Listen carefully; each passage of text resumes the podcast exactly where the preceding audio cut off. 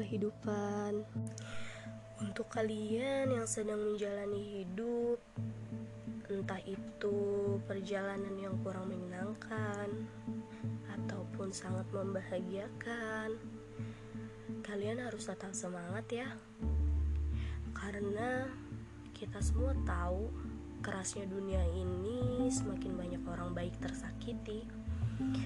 Tapi itu semua jangan disesali dan jangan membuat diri sendiri semakin terpungkiri. Kita harus yakin dan percaya diri bahwa Tuhan punya banyak rencana di luar dugaan kita sendiri. Semoga rencana apa pun itu kita bisa terimanya dengan lapang dada.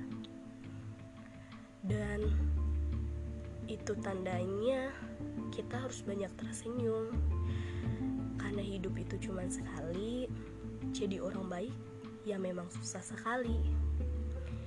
Perlu disyukuri kalau ada yang menyakiti.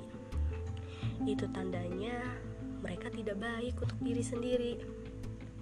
Jadi untuk kalian yang sedang menjalani hidup terus-terus semangat ya. Ingat Tuhan itu ada. Dan ingat, jangan pernah capek jadi orang baik.